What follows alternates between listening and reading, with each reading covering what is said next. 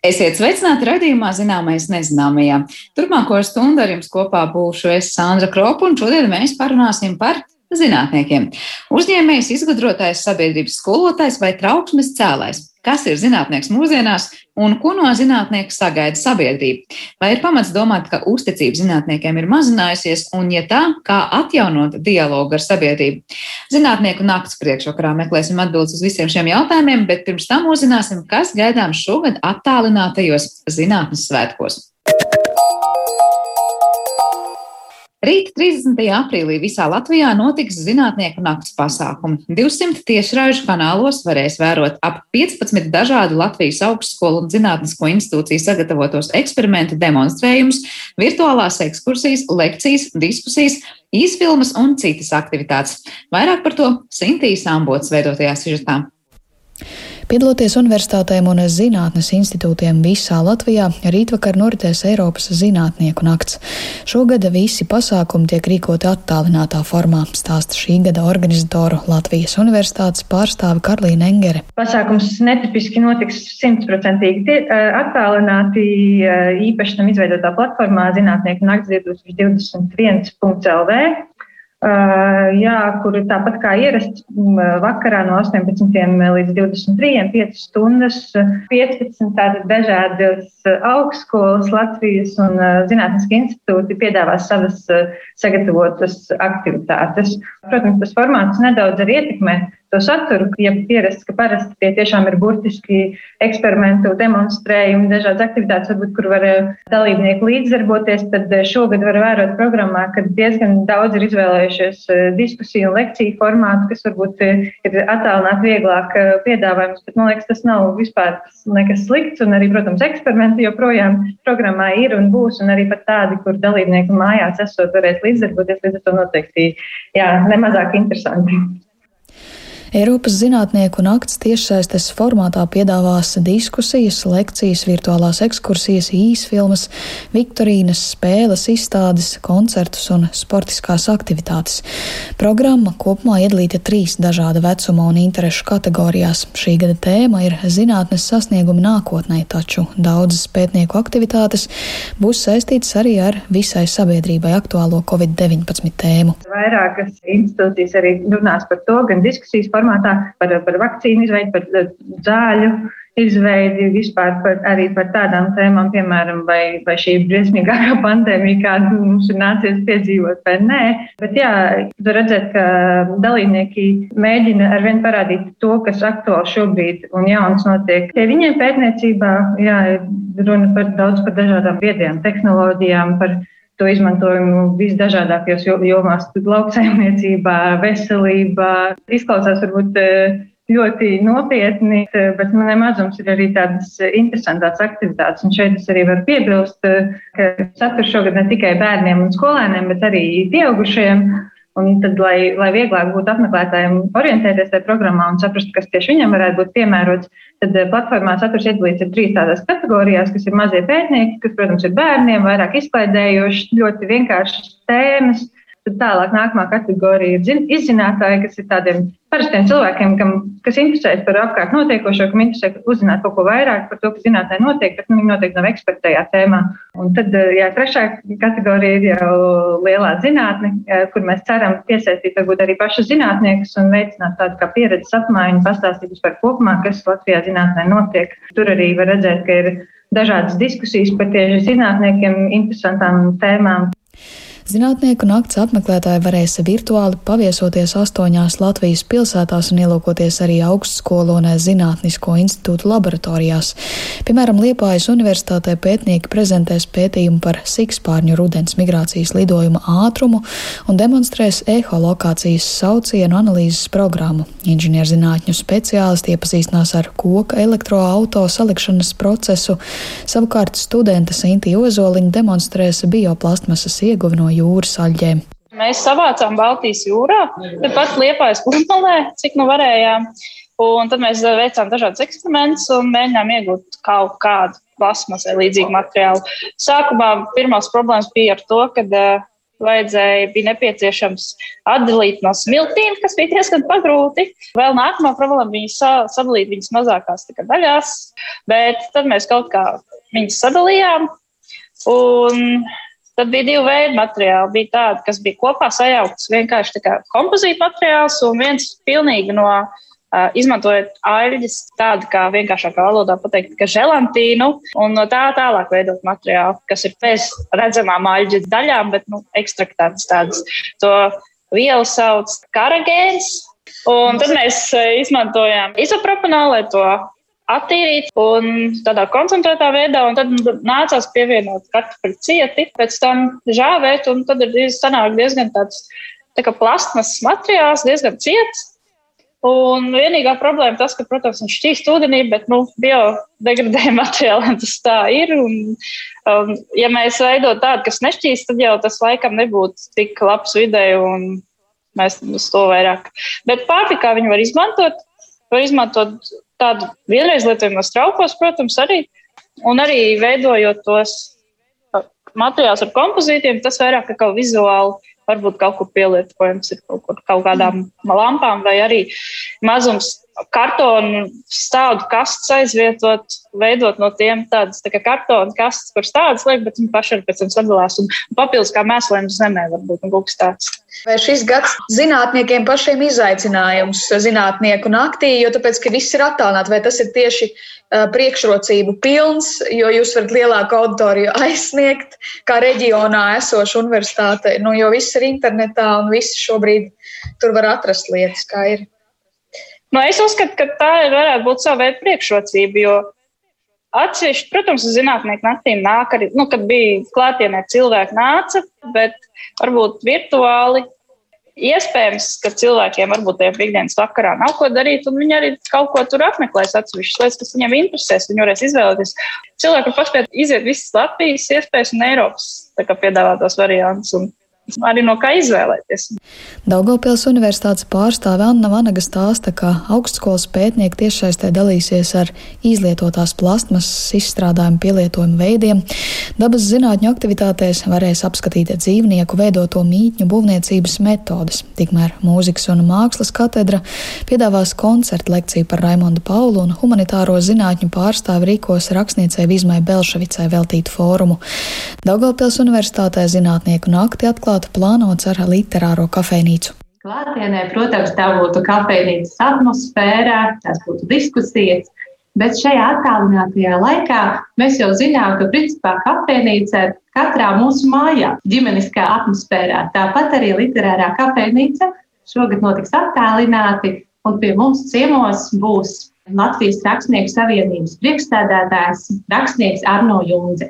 Un kopā ar mūsu filozofijas doktoru profesoru Maiju Burimu piedalīsies interaktīvā diskusijā. Vēl arī piedāvāsim zinātnieku piedzīvojumu stāstus, kā dabas zinātņu jomas pētnieks, profesors, arī zinātņu prorektors Arvīts Beršels, kas dalīsies savā pieredzē par saviem piedzīvojumiem dažādās ekspedīcijās, gan Latvijā, gan arī ārpus Latvijas.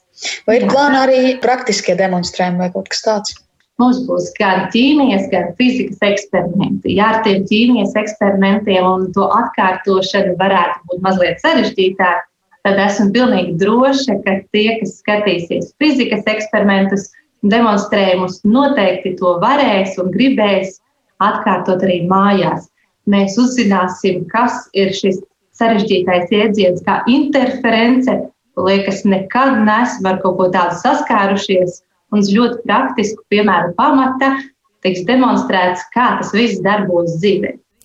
Arī Karolīna Engere papildina, ka kopējā programmā ir nevien ar eksaktiem priekšmetiem saistīti pasākumi, bet arī ne mazums humanitāro jomu pētnieku aktivitātes. Ja varbūt sakot, zinātnieku nakts izklausās, ka tas ir uzreiz tikai fizika, ķīmija, bioloģija, dabas zinātnes un tādas tēmas, tad pavisam noteikti nē. Tieši šis pasākums un tā programma ļoti labi parāda to zinātnes daudzveidību. Tur ir jā, mūzikas akadēmija, sporta akadēmija, no Latvijas Universitātes humanitāro zinātņu fakultāte, tikpat labi iesaistās filozofijas un socioloģijas institūts. Tā kā, jā, tas, piemēram, nu, uzreiz par to pašu mūzikas akadēmiju var piebilst, man likās ļoti interesanta tēma lekcija, kurā viņi skaidro par to, kā veidojas balss vispār cilvēkam. Tāda, tāda tēma. Zinātnieku nakts pasākumi būs pieejami tiešsaistē piekdien no pulksten sešiem vakarā, taču interneta platformā Zinātnieku nakts 2021.lv programmu var pētīt jau pat labana, kā arī reģistrēties un jau atzīmēt sevi interesējošo personalizēto programmu.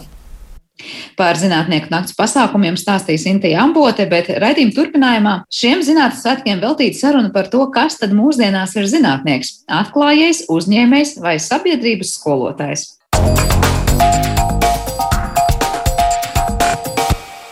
Sirms kungs ar pārdrošām idejām vai no reālās dzīves atrauc pētnieks. Ir stereotips, kas gadu desmitiem valdījis sabiedrībā par zinātniekiem. Taču mūsdienās zinātnieki ir tik daudzveidīgi, cik daudzveidīgi sāk kļūt arī viņu funkcijas. Kas tad ir zinātnieks mūsdienās un kā stāstīt sabiedrībai par zinātni laikā, kad pētījumu daļai cilvēku vairs nevieš uzticību? Par to visu mēs šodien runāsim ar mūsu attālinātās studijas viesiem. Un pie mums šodien ciemos ir Latvijas Universitātes profesors, tad sociālajā psiholoģijā Ivars Austers, fiziķis un Latvijas Universitātes profesors Jačslavs Karšķējevs, kā arī vidas risinājuma institūta vadošais pētnieks Dainis Jakvals. Labdien jums visiem trījiem! Labdien! Dien. Dien.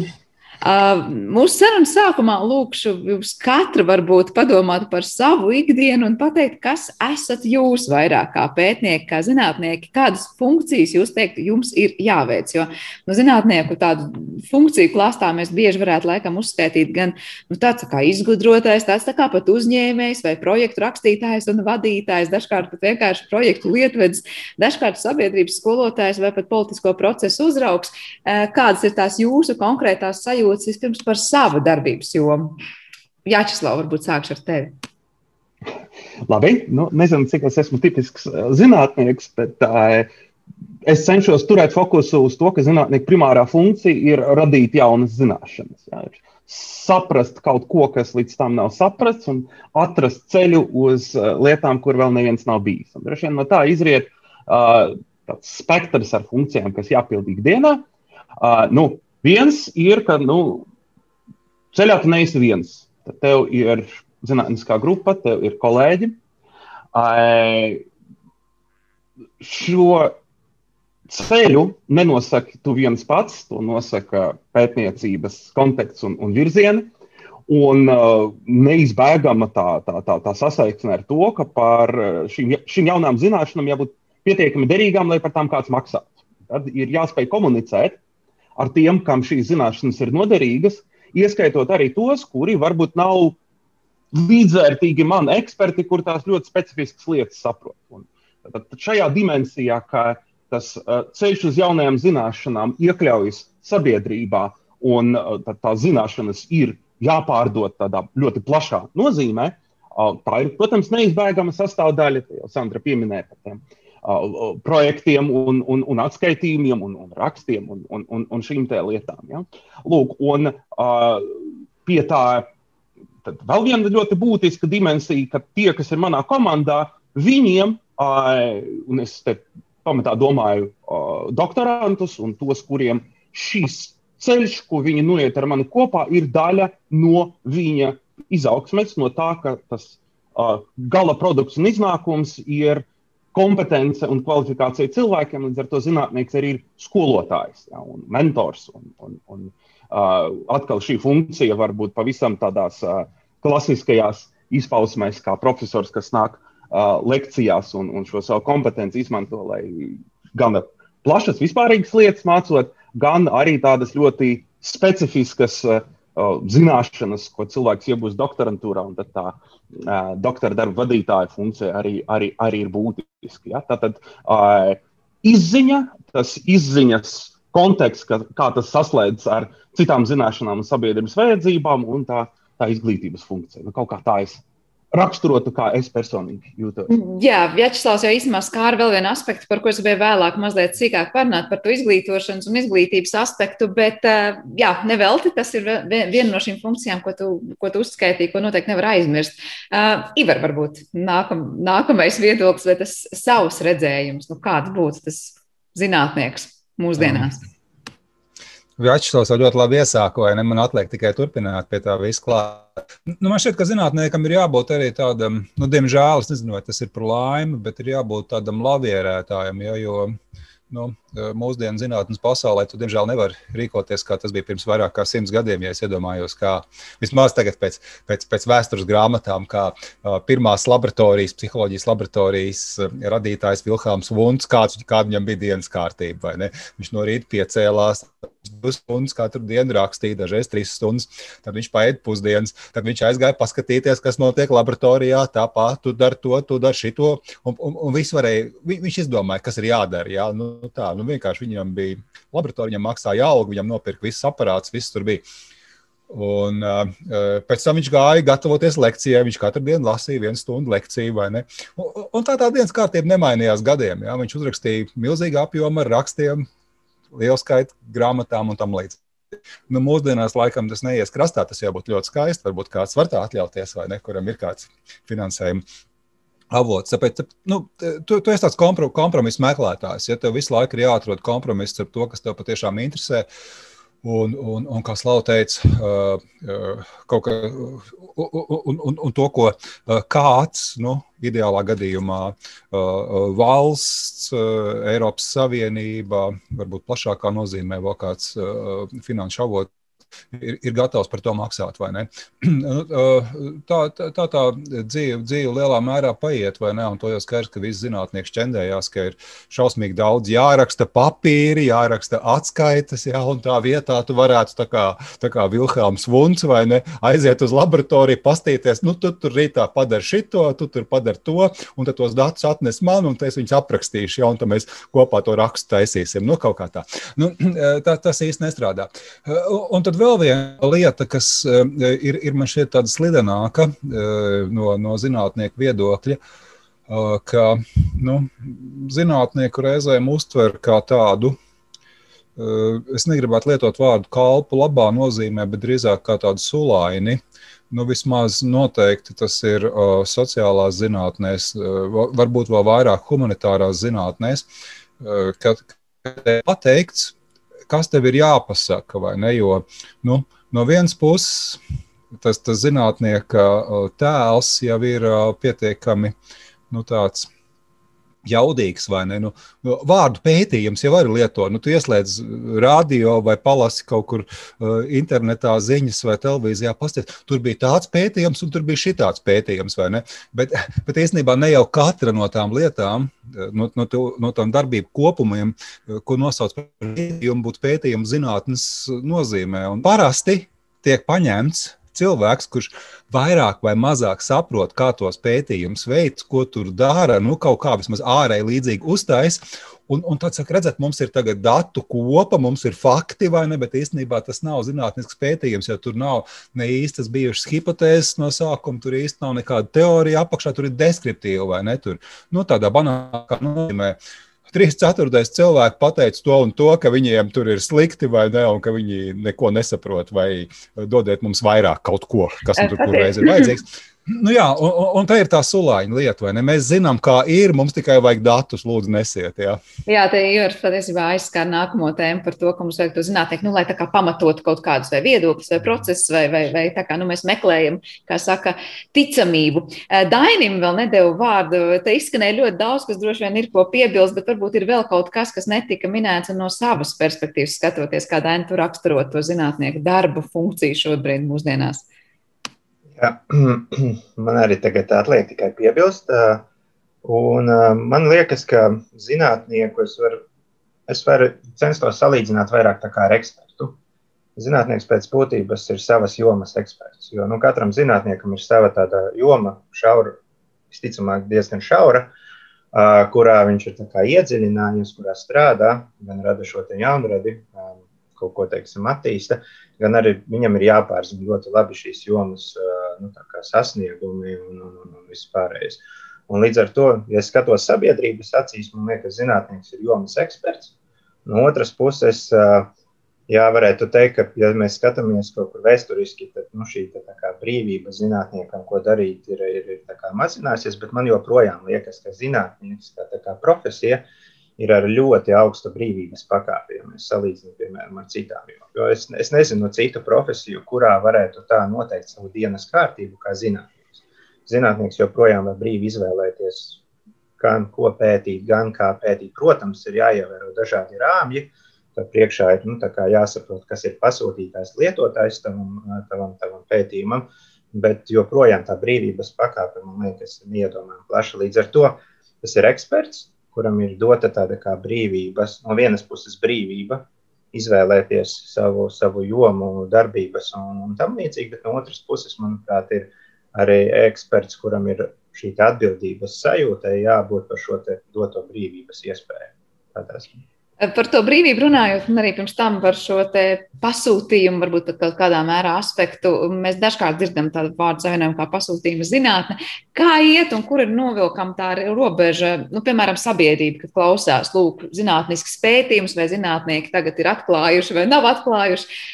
Un dažkārt ir šis jautājums, nu, ja nu es tā stāv kaut kāds ļoti liels lobbyis vai ļoti liela nauda un pasūtītāja intereses, Vai šajā gadsimtā, var teikt, no vienas puses mazinās sabiedrības uzticamība zinātniskiem pētījumiem, skatoties, nu, kurš tad ir pasūtītais vai kā labā šie pētījumi tiek veikti, vai kā Vjačeslavs sarunas sākumā teica, nu, kurš par to ir gatavs maksāt par šiem pētījumiem, par šīm idejām? Tad Tas, tas Sandra, ir ļoti labs jautājums, protams, vai ne? Un, un, un tā atbilde droši vien var būt dažādā dziļuma pakāpē, vai ne? Cik dziļi mēs to skatāmies. Teiksim, kā viens ikdienas zinātnes atklājuma lietotājs tos atklājumus nu, kaut kā integrē savā ikdienas dzīvē un, un uzvedībā. Ja? Nu, protams, ka viens no ticamības elementiem, kas, kam vajadzētu pievērst uzmanību, ir, ir kas un kādā veidā ir finansējis pētījumu. Bet nu, to jau tu vari apskatīties parasti, ja tu sameklē to oriģinālo rakstu, kur kaut kas ir tapis publicēts vai ne. Un, un tad, protams, vai nu raksts pašā sākumā, vai dažreiz beigās, kā nu kurā žurnālā tas ir pieņemts, ir, ir finansējuma avots. Plus ir arī mūsdienās aizvien biežāk, lielākā daļa žurnāla jau tagad prasa, lai autors uzrakstīja tādu teikumu, ka uh, šī pētījuma veikšana man neradīja nekādus uh, ne ētiskas, ne uh, cita veida konflikts ar, ar, ar finanšu devēju. Ne, ka, nu, es varu sakot, bija brīvs teikt to, kas, kas, kas tiek prasīts no laba zinātnieka. Ja? Tā tad neslēpt pretrunīgus rezultātus, interpretēt arī tos datus, kas ir pretrunīgi kotajām hipotēzēm un tam līdzīgi. Un, un tas, protams, paliek nu, nu, nu fonā visa šī informācija. Skaidrs, ka retu reizi arī mūsdienās gadās pētījumi, kuriem nav īsti nekādu finansējumu, ko varbūt vai nu viens pētnieks vai varbūt divi ir gadiem veikuši vienkārši gandrīz vai kā savu hobiju. Viņi ir strādājuši, viņi ir veikuši varbūt mazu mērogu um, eksperimentus, kas neprasa lielu finanšu ieguldījumu, un, un viņiem nekāds papildu finansējums nav bijis. Nu, tas, tas, tas, protams, arī ir skaisti un brīnišķīgi, bet tādi ļoti bieži nav. Tā kā, nu, no vienas puses jau tās bāžas uh, sabiedrības, ka uh, pētnieki varētu arī kaut ko uh, negodīgi stāstīt, nu, tas jau kā tāds. Nu, banāli vārdu lietojot, sarksuns varbūt nav nemaz tik slikti. Jautājums ir, vai tas nākamais solis tiek spērts un tiek paskatīts, kas tur īsti ir bijis. Ja? Kas ir finansējis? Ja ir finansējis, eh, finansējusi nevis uh, valdība, uh, nevis valdības institūcijas, bet uh, kādas industrijas pārstāvi, nu, kas droši vien arī pats par sevi nav nekas briesmīgs, bet jautājums ir, kādā veidā ir notikusi šī naudas lietošana. Ja? Vai pētnieks patiešām ir bijis pietiekami brīvs, lai, lai godīgi stāstītu, ko viņš par šo naudu ir izpētījis. Ja? Tā kā, nu, tur ir tā, tā etiskā dimensija uh, visu laiku pastāv, un tas, ka kāds mēģina pieskatīt, tas jau nav slikti. Ja. Traki ir, ja, ja, ja tagad saka, nu, ko jūs tie zinātnieki stāstat, vai ne? Jūs jau tagad jau gadu jau pētat, vai ne, tur to covid, un jūs vēl neko nesaprotat, vai ne? Tur ir tādi rezultāti, un tur ir šitādi rezultāti. Nu, es tagad vienkārši banalizēju to visu, ja, bet Bet pārspīlēt tikai maz, mazliet, vai ne? Jā, es vairāk šo jautājumu biju uzdevusi saistībā atkal ar tēmām, kas skar nu lielas industriju intereses. Es pieņemu, varbūt Dainis var ko pakomentēt saistībā ar vidas kontekstu. Industriju, pagaidām, nu, nu, šo no Sandra nevajag sākt tēmu, jā, tad mēs aiziesim pie čipošanas tūlīt. Nē, līdz čipošanai noteikti, nē, es vairāk par, piemēram, nu, nu labi, gadījums vēršanās pret vidas aktīvistiem, piemēram, kas par pesticīdiem daudz tur bija runājuši, un tad savukārt sabiedrībā rodas sajūta, es varu nevaru ticēt tiem rezultātiem, kas pateiks, jā, ka tie pesticīdi konkrētajā pētījumā tiešām bija izpētīti tā, ka, nu, teiksim, sabiedrībai tur varbūt veselības bažas nu, nav pamati iecākt par sevi domāt.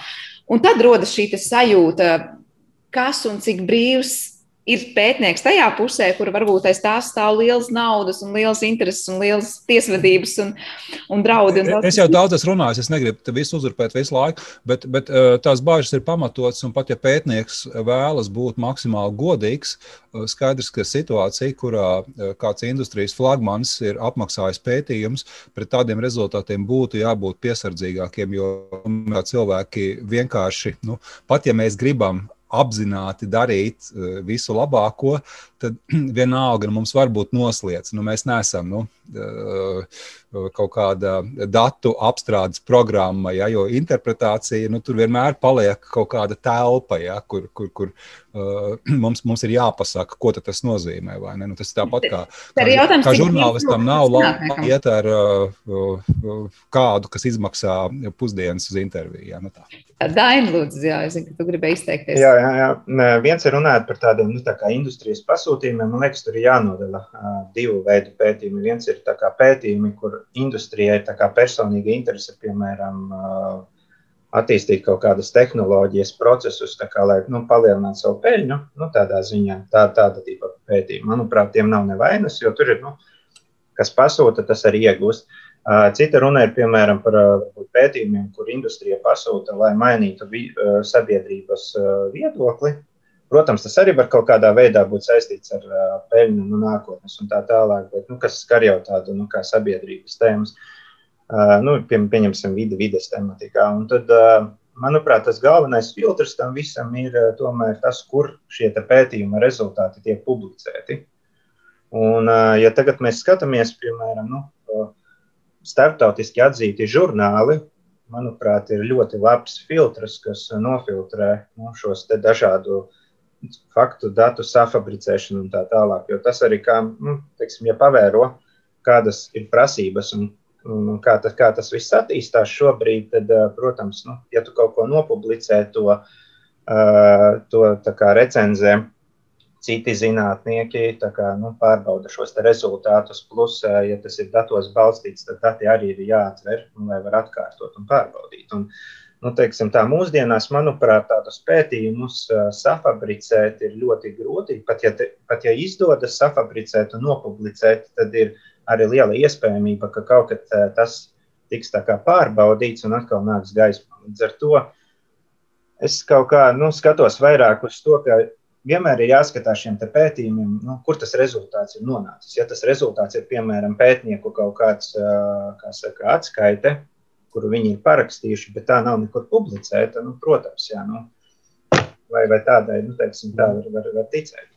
Es te vairāk arī domāju par to, mm, Slavlēkam, varbūt izteikties, ka e, vai pētniekam šādos gadījumos ir pietiekoši brīvas rokas. Nu, piemēram, es nezinu, varbūt kāds pasaka, jūs tiksiet pie vajadzīgiem reaģentiem, tur tikai tādi jāparakstīsiet, drīz vai šādu tādu, nezinu, neizpaušanas vai izpaušanas politiku.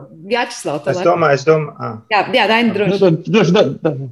Es, es domāju, tas ir pētnieka, tas ētikas jautājums. Katram pētniekam, pirms viņš saņem finansējumu, ir iespēja ņemt šo finansējumu ar noteiktiem nosacījumiem vai nē. Ja viņš redz, ka, piemēram, šie nosacījumi, par kādiem man dod šo finansējumu, piedāvā veikt pētījumu, man tie nu, teiksim, ētiskie apsvērumi dēļ neapmierina, es vienkārši atsakos no tām.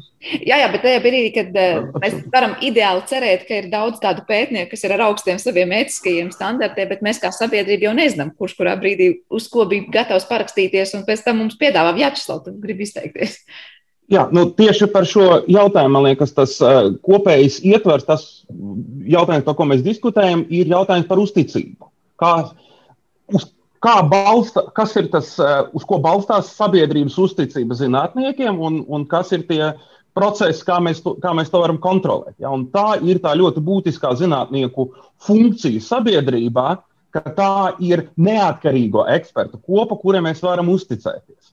Un tas ir mērķis, un, protams, reālajā dzīvē, ejot uz to mērķi, visu laiku jāskatās, kā viņš tiek norealizēts. Un te, man liekas, Dainis ļoti svarīgu atzīmēja uh, aspektu, ka ir jābūt uh, izsekojamam tam ieslēgumam globālajā ekspertu kopienā, kuri var gan kritiski izvērtēt tavus rezultātus, jo tur kā reiz tas mm, recenzēšanas mehānisms, ka citi ir ieinteresēti atrast kļūdas tavos secinājumos. Ja? Un, un ļoti būtiska ir nu, vispārēji sabiedrības uzticība šim procesam kā tādam. Jo, ja tā mazinās vai nobrūk, ja, tad, tad visi ceļi vaļā, tad sabiedrība var noraidīt jebkādu zinātnieku secinājumu.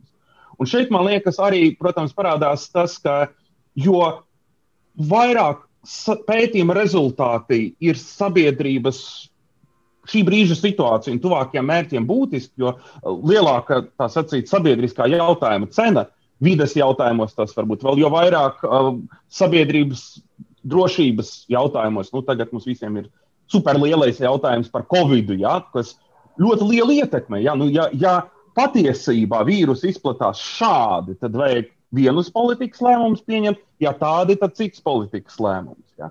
Tad, tad vēl jo lielāka nu, ir šī spriedze, un vēl lielāka ir vajadzība pēc pārbaudāmas uzticības un, un šādas zinātnieku kopienas un politikas veidotāju sadarbības. Ja. Un tur, protams, nāk arī tie uh, nu, visi aspekti, kurus arī Ivars jau ir uh, minējis par to, ka ja politikas veidotāji un cīši politiķu acīs uh, zinātnē tikai jāatbalsta mans viedoklis, un tad es izvēlēšos tādā ne tik vienkāršā jautājumā tikai tos, kas pārstāv manu jau iepriekš pieņemto lēmumu, tad tas, protams, ir politikas plakne, un tas nav zinātnieku plakne. Tas zinātnieku izaicinājums nu, neļauties tikt ierautam, un reizēm viņi tiek ierauti pret savu gribu šādās uh, jau diskusijās, kas ir uh, ārpus zinātnes, jo neizmanto zinātniskus argumentus.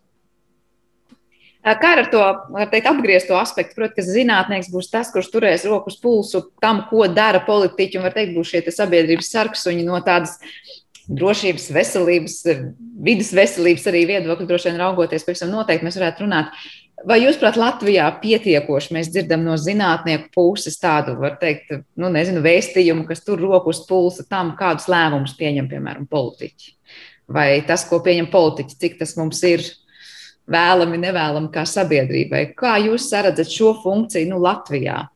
Vai zinātnieki pilda šo sarksuņa funkciju un skatās, kādus lēmumus pieņem politika? Daina, sākšu ar tevi. Man, man liekas, ka nu, tas šobrīd redzamākais piemērs ir šī te, nu, Covid situācija, kur uh, ir krīze, kur ir vajadzīgi nu, teiksim, dažādi risinājumi. Un, un, man liekas, ļoti labs piemērs šim ir uh, Uga Dumpis, kas arī pēc būtības ir šī zinātnieku puse pārstāvis, kurš ļoti konsekventi un, manuprāt, ļoti profesionāli iet uz šo pozīciju, analizējot informāciju un, un, un sniedzot komentārus. Un, nu, tas, tas parādās, nu, praktiski mēs dzirdam, tur politiski visu laiku ir tā vēlme at, atvērt kaut ko, atvērt, tur ir nevienprātība un vēl kaut kas, bet, nu, teiksim, no šīs zinātniskās puses tā nāk visu laiku tāds kā manuprāt, datos, faktos balstīts viedoklis, kā ieteikumu veidā, un tad atkal jau tas lēmuma pieņemšana tā ir tā kā politikas ziņā. Runājot par citām jomām, arī nu, tur, ir, tur ir dažādi. Jautājums ir, kuri, kur, kur šie viedokļi ir skaļāki vai, vai klusāki. Uh, nu, to, to, to tagad tā grūti par visām uzreiz teiksim, tā, tā, tā runāt. Bet, jebkurā jomā, jā, ir, ir, ir šie zinātnieki, kas uh, iestājas par, par šo savu uh, teiksim, pozīciju. Pirms dod vārdu Ivaram un arī Vjačeslavam, kā tev liekas ar vīdes jautājumiem, ko tu vairāk pārstāv mums pietiekoši ir sadzirdēti zinātnieki? Jo Covid, protams, ir tāds ļoti skaļš piemērs, kas skar mūs visus, un sabiedrība ir gatava klausīties. Kā ar tām jomām, kuras varbūt liekas, nu, ikdienā mums ir nērti varbūt dzirdēt to, ko teiks zinātnēks. Dažreiz, kas man ir ļoti dī, dīvaini klausīties, tad, kad, piemēram, ir, ir Latvijas zinātnieki, kuru viedoklis ir pretrunā, piemēram, nu, kopēji zinātnieku kopienai. Nu, teiksim, ja, ja, ja, zinātnieki tur Eiropā, citās valstīs un tā tālāk. Skaties, un, teiksim, pēc publikācijām un teiksim, kaut kā teiksim, vietējie Latvijas zinātnieki mēģina to apšaubīt. Un, un tā tālāk. tas, tas man parasti liekas ļoti, ļoti dīvaini. Es esmu novērojis to dažreiz, nu, teiksim, arī, arī, arī, arī vides, vides jomā. Uh, bet, nu, jā, es teiktu, ka vid, vides tematika arī, arī, arī ir dažāda sensitīva. Tur ir gan vides aizsardzības jomas, teiksim, tā pārstāvi, tur gan arī ir iesaistīti arī zinātnieki no dažādām industrijām. Protams, tur grūti novilkt teiksim, to, kas ir balts un melns no tādā ziņā. Jo, jo kat, katrs mēģina tā teikt, nu, teiksim, uzsvērt sev aktuālo. Kaut kā liekas. Mm -hmm, paldies. Ivar Vjačslav, kā jums liekas, kur ieklausāmies, pietiekoši skaļi zinātnieki runā par to, kā viņi domā un ko viņi domā politikas veidotāju acīs? Ivar, varbūt tad ir tev. Jā, man. Uh, uh, nu, Dainam jau bija tas piemērs ļoti labs par ugdumpi, vai ne? Nu, ar ugdumpi jau ir tā, ka Tā, kad viņš saka to, kas patīk, tad viņš ir labs eksperts, vai ne? Un, un tad, kad uh, viņš saka to, kas, kas neatbilst iecerētajam, uh, tad viņam pārmests redz, bet uh, ziniet, profesori, jūs pirms gada teicāt kaut ko pilnīgi citu, vai ne? Un, un īstenībā jau ir taisnība, ka, ka profesors Dūms pirms gada teica kaut ko citu, bet nu, tas, tas tā, tā ir īstenībā godīgi zinātnieku pieeja, vai ne? Ka, uh, Zināšanas mainās, un, un, un ka uh, savu secinājumu un spriedumu tiek izdarīti balstoties uz labāko informāciju, kas tajā brīdī pieejama. Ja, un, uh, Un, un uh, es, es mazāk ticētu tādiem pētniekiem, kuri uh, iekaļ uh, savu, savu uh, sakāmu akmenī vai ietetovē uz rokas, lai neaizmirstu, vai ne, un tad nolasa, vai ne. Un vienmēr saka vienu un to pašu. Nē, nu, nu skaidrs, situācija mainās, un tāpēc var viedoklis arī mainīties. Man, man šķiet, ka šajā uh, sfērā ir viena tāda uh, fundamentāla problēma, ko uh, daudzi iesaistītie varētu arī ne saprast, ka politikai ir drusku cita funkcija, un zinātniekam ir, vai zinātnieku kopumā, ir, ir atšķirīga funkcija. Jo, jo nu, kā jau mēs visu laiku runājam, kā vispār, kāpēc, kāpēc tāda zinātne ir vajadzīga, mums ir jārada pēc iespējas precīzāks priekšstats par, par pasauli visplašākā nozīmē. Bet šādu priekšstatu radot, mēs nevaram atbildēt uz, uz vērtību jautājumiem, kurš dziļākā būtībā ir politikas jautājums. Nu, tas, tas pats piemērs, Sandra, ko tu sāki šo sarunu. Nu, šo jautājumu kopu tagad par, par, nu, piemēram, par pesticīdiem. Ja? Tad, tad jautājums, ko tas nozīmē teiksim, no dabas viedokļa, ko tas nozīmē no ekonomikas viedokļa, ko tas nozīmē no sabiedrības kopumā funkcionēšanas viedokļa. Un, un zinātnieks nevar atbildēt uz jautājumu, ko man tagad darīt. Ja? Zinātnieks var pateikt, tā lietos pesticīdus. Uh, nauda būs bijis vairāk. Dabai notiks tas un tas, tādas un tādas sugas potenciāli var iet bojā, tādas un tādas tagad atkal strauji attīstīsies, ja tā iemesla dēļ. Cilvēku veselībai, tiem, kas tur dzīvo tūmā, ar to ar varbūtību var notikt tas un tas. Ja? Plašākā nozīmē tas var radīt un iespaidot arī sabiedrību, varbūt plašākā nozīmē, un tā tālāk. Nu, es tagad pilnīgi tādas stereotipiskas lietas pateicu, kas, kas saistās ar, ar, ar vienu jautājumu.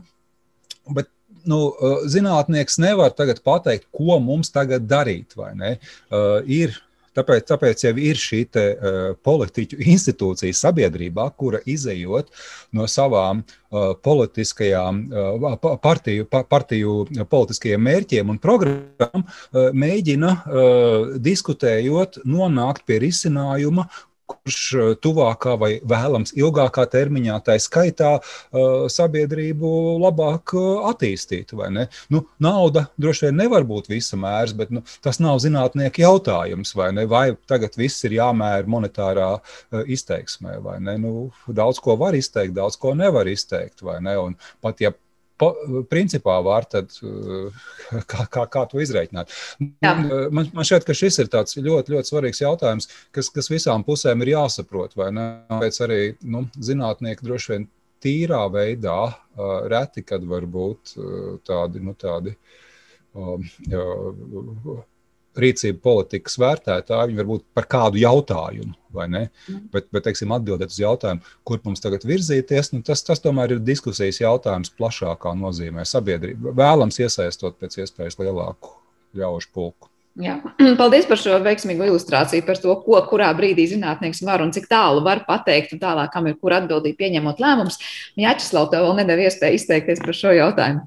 À, nu, nu, kolēģi varbūt strādā jomās, kas kādreiz ir tuvāk sabiedrības aktiem jautājumiem. Jā, ja tas skar kaut kādas dzelžu tehnoloģijas, tad parasti interese ir no vai nu ka, tā tuvākā, kad, kad mums būs tie ātrākie datori, ja, vai tur labākie gadgeti, vai vismaz kad būs tas Latvijas uzņēmums, kas ar to izies pasaulē, vai vismaz mums būs kaut kāds gods un slavu un atpazīstamība, redz, ka kaut ko gudru Latvijā ir izdomājuši. Ja, tie, tie tādā ziņā nodevumi ir pastarpinātāki, līdz ar to arī nu, sabiedrības attieksme ir, ir tolerantāka. Katram ir kaut kādas vērtējums. Ka, cik daudz un kādus tādus vajag. Ja? Bet uh, man nāk prātā varbūt viens tāds spilgts piemērs, kur zinātnisko uh, tāda, tāda problēma, akūta problēma sabiedrībā, kuru palīdzēja atrisināt Latvijas zinātnieki, un neviens cits to nevarēja atrisināt. Un tas bija uh, krīze ar uh, suņu barību pirms kādiem pieciem, sešiem gadiem, kad uh, nesaprotamu iemeslu dēļ sāka uh, slimot un mirt suņi, un identificēt, ka, kas ir par cēloni, bija ļoti liels izaicinājums veterināru ārstiem Latvijā. Un, un uh, izcēlis veterināru ārstes profesors Ilzas Matīs van Houtens vadībā vei, tika veikta ļoti nu, uh, rūpīgi un, un, un, un izcēliem starptautiskiem standartiem, arī iesaistot starptautisko kopienu pētījumu, kas viennozīmīgi norādīja, kur ir tas faktors, ja, kas ir jāizdara, lai suņi pārstātu mirt. Ja? Un, un tas ir piemērs, kurā uh, neviena tāda pasaule, mēs nevaram uz pasaules labākiem ekspertiem paļauties, jo tā ir kaut kāda problēma, kur neizskaidrojumu iemeslu dēļ notiek tieši Latvijā. Ja? Un tā varbūt ir vēl viena tāda zinātnes kopienas funkcija tieši teiksim, mūsu valstī, ka mums ir kaut kāds ekspertu tīkls, kurš vairāk vai mazāk noklāja visu zinību jomu, kad, kas var nu, celt trauksmes signālus vai pieslēgt vajadzīgos uh, papildus spēkus, ja mūsu sabiedrība sastopas ar kaut kādiem pilnīgi negaidītiem izaicinājumiem. Jā, tā ir tā kāda tāda vispārējais inteliģences un sabiedrības kompetences funkcija. Jā, Vjačeslav, tu pieminēji to piemēru, kur, protams, mēs tagad varētu iet vēl tālu un dziļi šajā sarunā, jo daudz jautājumu paliek ne, nerunāti. Bet bet kā mēs paši atceramies, likās, ir tik acīm redzami rezultāti, par kuriem Ilza Matīs un Holtens vadībā runāja daudz ekspertu un arī ārzemju pētnieki, vai ne? Bet tomēr tā pretestība arī mūsu pašu valstī no konkrētām industrijām un arī pārstāvētām ministrijām jau toreiz bija gana, gana uh, plaša, un toreiz arī likās, nu, kā mums taču ir zinātniskie dati, un mums, lūk, ir it kā liekas acīm redzami. Nu, redz, redz, mēs, mēs uh, nacionālā mērogā izspēlējās tas, kas notiek noteikti arī globālajā mērogā, jo, ja ir noteikts komerci intereses, kuriem tas pētījums reāli nes lielus zaudējumus, viņš ir neizdevīgs, burtiski acīm redzamā veidā tad no tā būs pretestība. Un, un, kā mēs zinām, šajā gadījumā bija arī, arī uh, tiesas prāva, jā, tiesvedība, jā, kurā tad, tad, nu, par laimi zinātne un, un veselības saprāts uzvarēja. Bet, Cik tas paņēma no cilvēciski no iesaistītiem pētniekiem un cik tas prasīja viņu tādu pilsonisku drosmi, ja, nu, tas, ir, tas ir arī apbrīnojami. Ja, tāpēc arī, protams, tur var būt nu, redz, tā neusticība, ka kaut kādas lielas korporācijas, globāla liela ietekme var iet, varētu ietekmēt to zinātnisko konsensusu un, un atkūsināt pētniekus, kuri ceļ trauksmi. Nu, ir arī globāli bijuši precedenti, un tas ir atstājis, nu, un, un, un, un tas ir, manuprāt, adekvāti, objektīvi tādu fonu, ka lielajos jautājumos, kur ir iesaistītas šauras intereses, bet ar lieliem resursiem, ir sevišķi liels nu, spiediens šajā te, uh, interfejsā starp uh, pētniekam noteikt patiesību vai mūsu tu, labāko tuvinājumu tai un uh, sabiedrību. Jā, bet es tev vēl viens nu, jautājums, cik patiesībā tiesiski aizsargāts ir šis pētnieks. Un uh, prieks, ka tas tik veiksmīgi beidzās konkrētajām pētniecēm, un tas varbūt ir tās pamudinājums daudziem citiem justies droši, bet droši vien, ka arī pasaules praksē mēs atradīsim citus gadījumus, kur tik viegli neveiksies. Jautājumu ir daudz, paldies jums par šo sarunu, uz kuriem tiešām daudziem vēl pat nepaspējām atbildēt, bet es domāju, mēs liksim, kā saka, nākamo sēriju šai sarunai kādā citā reizē. Šodien teikšu paldies fiziķim un Latvijas universitātes profesoram Jačslavam Kašķējumam, Latvijas universitātes profesoram sociālajā psiholoģijā Ibram Austram, kā arī vidas risinājuma institūta vadošajam pētniekam Dainim Jakovelam. Ar to arī šis raidījums ir izskanējis. Paldies par to, kā klausījāties un bijāt kopā ar mums, un mēs tiekamies jau atkal rīt. Visu labu!